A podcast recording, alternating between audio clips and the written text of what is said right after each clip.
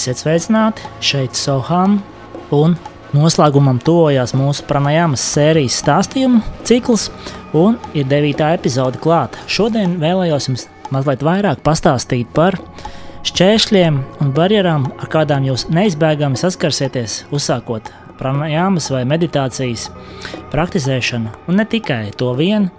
Tas varētu attiekties arī gan uz citām jogas tehnikām, gan arī faktiski uz jebko citu jaunu, ko jūs uzsākat savā dzīvē. Ieteikumu un padomu arī būs ietverti šajā stāstījumā. Tad, kā jau minēju, uzsākot jaunas lietas savā dzīvē, mēs neizbēgami saskaramies ar dažādiem šķēršļiem, pretestībām, barjerām, un neatkarīgi vai tā būtu jaungada atņemšanās, atmest kādu nelabvēlīgu paradumu, vai taisni otrādi iecer uzsākt veselīgu dzīvesveidu, sportojot vai jogojot, mums nāksies saskarties ar dažādiem šķēršļiem, ko rada šo jauno zināšanu un pieredžu ienākšana mūsu dzīvē. Un, lai mazliet struktūrētu mūsu stāstījumu, šķēršļus un barjeras iedalīsim divās grupās - fiziskie šķēršļi un mentālās pretestības un barjeras. Nu, un sāksim ar fiziskiem šķēršļiem. Šajā grupā uzskaitīsim ārējos traucēkļus, kā arī ķermeņa radītos šķēršļus. Sāksim ar vidi, kas ļoti būtiska uzsākot kādu no jogas praksēm. Un ir ļoti svarīgi iekārtot sev šim pasākumam atsevišķu vietu un telpu, ja tas ir iespējams. Ideālā variantā tā būtu istaba vai kāds stūris. Istabas stūris, kur jūs neviens netraucētu, nu vismaz prakses atvēlētajā laika sprīdī. Dažkārt sarežģījums praksē var radīt ārēji trokšņi, kas nāk no blakus telpām vai, vai ārpuses. Tāpēc silts ieteikums būtu praktizēt no rīta, pirms visa ģimene kopā ar mājdzīvniekiem ir sākuši aktīvi rosīties. No savas pieredzes var teikt, piebilst, ka jo agrāk piecelsieties, jo efektīvāk būs jūsu sesija. Jogā pa ideālāko laiku tiek uzskatīts laiks starp 4 un 6 no rīta, bet līdz 8 vēl visnotaļ laba iespēja pameditēt jums noteikti ir. Pēc pusdienas astoņiem jau atmosfēra jau ir tā pilna ar cilvēkiem, ar cilvēku domām, ar aktivitātēm, ka normāla pasēdēšana, normāla praktizēšana faktiski vairs nav iespējama. To jūs jau droši vien paši arī pārliecināsieties. Par pozām. Ja jūs esat fiziski gatavs nosēdēt kādā no jogas pozām vismaz 23 minūtes, tad tas jau ir ļoti labi. Principā par ķermeņa radītiem šķēršļiem šeit nebūtu īpaši daudz ko runāt. Protams, prakses laikā var iesāpēties kāja vai mugura, notirpt rokas un notikt citi ar diskomfortu saistīti procesi. Bet pie regulāras praktizēšanas ķermenis ar laiku pieradīs un nenovērsīs jūs no prakses. E, svarīgi šeit ir neļauties prāta vēlmē pakustināt kāju, pārlikt rokas, pakasīt vaigu un tam līdzīgas lietas. Tās visas nereti ir prāta radītas pretestības vai traucējumi, kuriem mēs pievērsīsimies gan mazliet vēlāk. E, ja jūs nedaudz papraktizēsiet jogas asanas pirms meditācijas sesijas, tas jums ļoti labi noderēs. Mazliet izkustinot ķermeni, tas ir daudz paklausīgāks, mazāk kustīgs meditācijas laikā. Atcerieties, ka katra fiziska kustība rada arī mentālus viļņus, kas meditācijā un pranajāmas sesijā ir nopietns traucēklis. Vēl kā šķērsli varam pieminēt siekalu veidošanos, kas ir dabisks problēma katram jaunam, un patiesībā ne tikai jaunam praktikantam. Nu, šeit risinājums ir pacelt mēli nedaudz uz augšu, vismaz aiz priekšējiem zobiem, vai ideālā gadījumā piespiest mēli pie augšlējām. Un šo te triku jogā sauc par kičārī mudra, ļoti svarīga mudra. Šo ar laiku var iemācīties, pakāpeniski noturot to laiku, eh, cik ilgi jūs eh, spējat mēli noturēt šādā pozā. No sākuma tas būs ļoti grūti, tad būs runa par sekundēm, un pakāpeniski tas jau varētu pāriet gan minūtēs, un pat ilgākā laikā. Un tad arī siekalu veidošanās praktiski neradīs jums nekādas uzmanības novēršanas uh, efektu.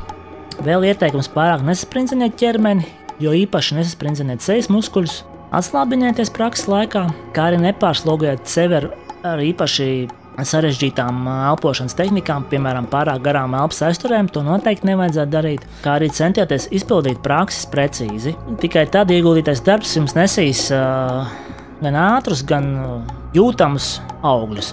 Ideālais praktizēšanas laiks iesākumā būtu apmēram 10 minūtes, 10-15 minūtes, un tas patiesībā ir daudz labāk nekā uzreiz sēsties uz veselu stundu un visu stundu mocīties ar ķermeni, ar domām, ar emocijām, ar atmiņām un visu pārējo. Tāpēc ieteikums un arī rekomendācija ir pieredzināt ķermeni un prātu pakāpeniski. 10, 15 minūtes, vēlāk pusstundu, 45 minūtes, un tad jau var stundu. Bet nu, tas, protams, ir jau vismaz gada kā minimums jautājums. Kad esam tikuši galā ar fiziskajiem šķēršļiem, varam pievērsties psiholoģiskajām barjerām, un mentālajām barjerām. Un te pirmā pati galvenā, domāju, visa to saskarās, lai arī cik liela būtu šī meditācijas pieredze, un tā ir domu klejošana. Domas skraidīs, un tur neko daudz patiesībā iesākt nevar. Tāda ir prāta daba. Tas tā kā prāts ir jūra vai okeāns, un domas ir viļņi. Ļoti rēti šī jūra vai okeāns ir bez viļņiem. Tad eh, kādi te būtu ieteikumi?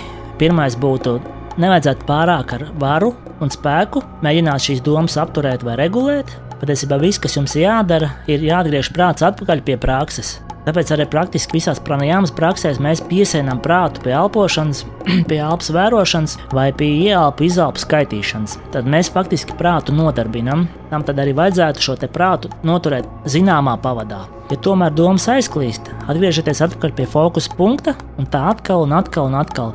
Tas var sākotnēji atgādināt cīņu ar veidu zirnavām, tomēr ar laiku prāts būs paklausīgāks un fokus izdosies noturēt daudz ilgāk. Un patiesībā šis ir visas meditācijas noslēpums. Vairums cilvēku padodas un kapitulē prāta priekšā, un tad jau sanāk tā, ka kalps valda par kungu, nevis otrādi, kā tam vajadzētu būt. Jūs esat kungs un prāts ir kalps. Tiesa patreiz vēl šis te kalps ir gaužām nepaklausīgs, un viņam ļoti patīk uzvesties kā kungam. Pieredzējis praktikants iemācās sadarboties ar šo ārkārtīgi sarežģīto un ātro parātu, ko mēs devējam par prātu.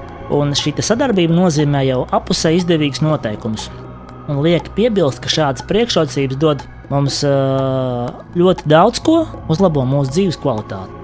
Sadarbība nozīmē apusē izdevīgu noteikumu, un liek piebilst, kādas priekšrocības tas dod mums un mūsu dzīves kvalitātei.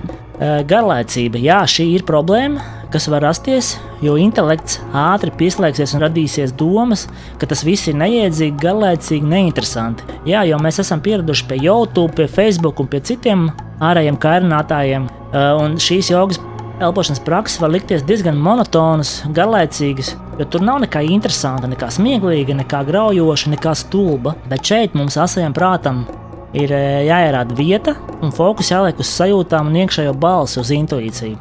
Un tā ir daudz būtiskāka. Un, uh, īpaši tas ir raksturīgs uh, sievietēm, jo viņas jau pēc dabas zina, nojauš, kas ir svarīgi un kas nē. Kas notiek tālāk, paradoxālā kārtā, šī garlaicība un monotonums pēc kāda laika rezultējās absolūti interesantā un aizraujošā pieredzē. Un ne tikai praktizējot, bet arī dzīvojot pasaulīgo dzīvi. Turpinājumā par nepacietību šeit centieties nebūt nepacietīgi un negaidiet tulītais rezultāts. Kaut gan tie var parādīties arī diezgan ātri, ja vien jūs ieguldīsiet zināmu darbu. Neesiet arī pārāk pārcentīgs. Ja sāksiet nejaunas praktizēšanu uzreiz ar vienu stundu garu sesiju, tad ātri vien jums šī iniciatīva noplaks. Tāpēc, kā jau minēju, mans ieteikums ir sākt ar minūtēm 15, 10 dienā, bet regulāri, noteiktā laikā, vislabākais uh, no rītiem, kā jau minēju iepriekš. Tas, protams, radītu labu paradumu, ko ar laiku būtu grūtāk izlaist. Te man jāpiezīmē, lai izveidotos noturīgs paradums, praksē jāpraktizē vismaz 6 līdz 12 nedēļas no vietas. To, par to stāsta neirozinātne, un tas jau ir pierādījies. Eh, un, protams, ar laiku varam pagarināt šo sesiju ilgumu. Patiesībā pats ķermenis un pati prāna jums pateiks priekšā, cik ilgi ir nepieciešams praktizēt. Ja vien jūs uzticēsieties sev un būsiet vērīgs. Tagad mazliet par psiholoģiskajām pretestībām. Uh, pretestība ir viena no lielākajiem šķēršļiem mūsu dzīvē. Uzsākot ko jaunu, to jau mēs sākumā noskaidrojām. Tā ir dabiska aizsardzība pret svešo, nezināmo, jauno, vēl neiepazīto. Patiesībā tas neatiecās tikai uz jogas praksēm vai kādām citām sporta aktivitātēm, bet uz jebkuru citu darbību arī. Pat dodoties uz pirmo randiņu, mēs varam piedzīvot gan šaubas, gan bailes. Tas viss arī ir pretestības formas. Lieta, ko jūs noteikti nepiedzīvosiet, dodoties pirmo randiņu, ir slinkums, kas ir pretestība praktizējot prāna jāmu. Tieši tā slinkums, ai šodien negribās, šodien vajadzētu izlaist. Tas būs prāta triks. Tāpat arī kā pieminētā jau nepacietība, kur ir tie sasodītie rezultāti. Es tik daudz praktizēju, bet kā nav tā nav uzlabojuma, tā arī pretestības forma. Tā vilcināšanās un šaubas ai, nu, tā joga ir kaut kas nesaprotams, kaut kāda ezotērija. Kāpēc man to vajadzētu darīt?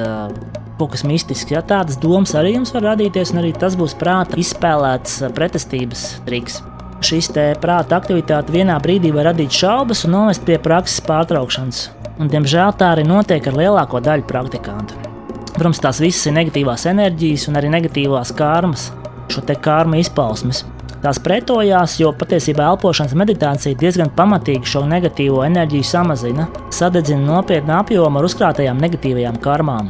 Tāpēc neesi starp tiem, kas padodas, jo tie, kas pārvarēs šīs pretestības un šķēršļus, noteikti to vēlāk nenožēlos. Izmēģiniet piedzīvojiet to pašu ar savu pieredzi, pieredzēt to, ko pieredzējuši simtiem citu cilvēku šeit, pat Latvijā, un miljoniem cilvēku pasaulē.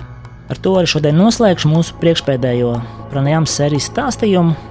Pēdējā desmitā sērija būs veltīta senajiem tekstiem, un ko šajos senajos jogas tekstos, upanišādos mēs varam atrast un uzzināt par pranajāmu.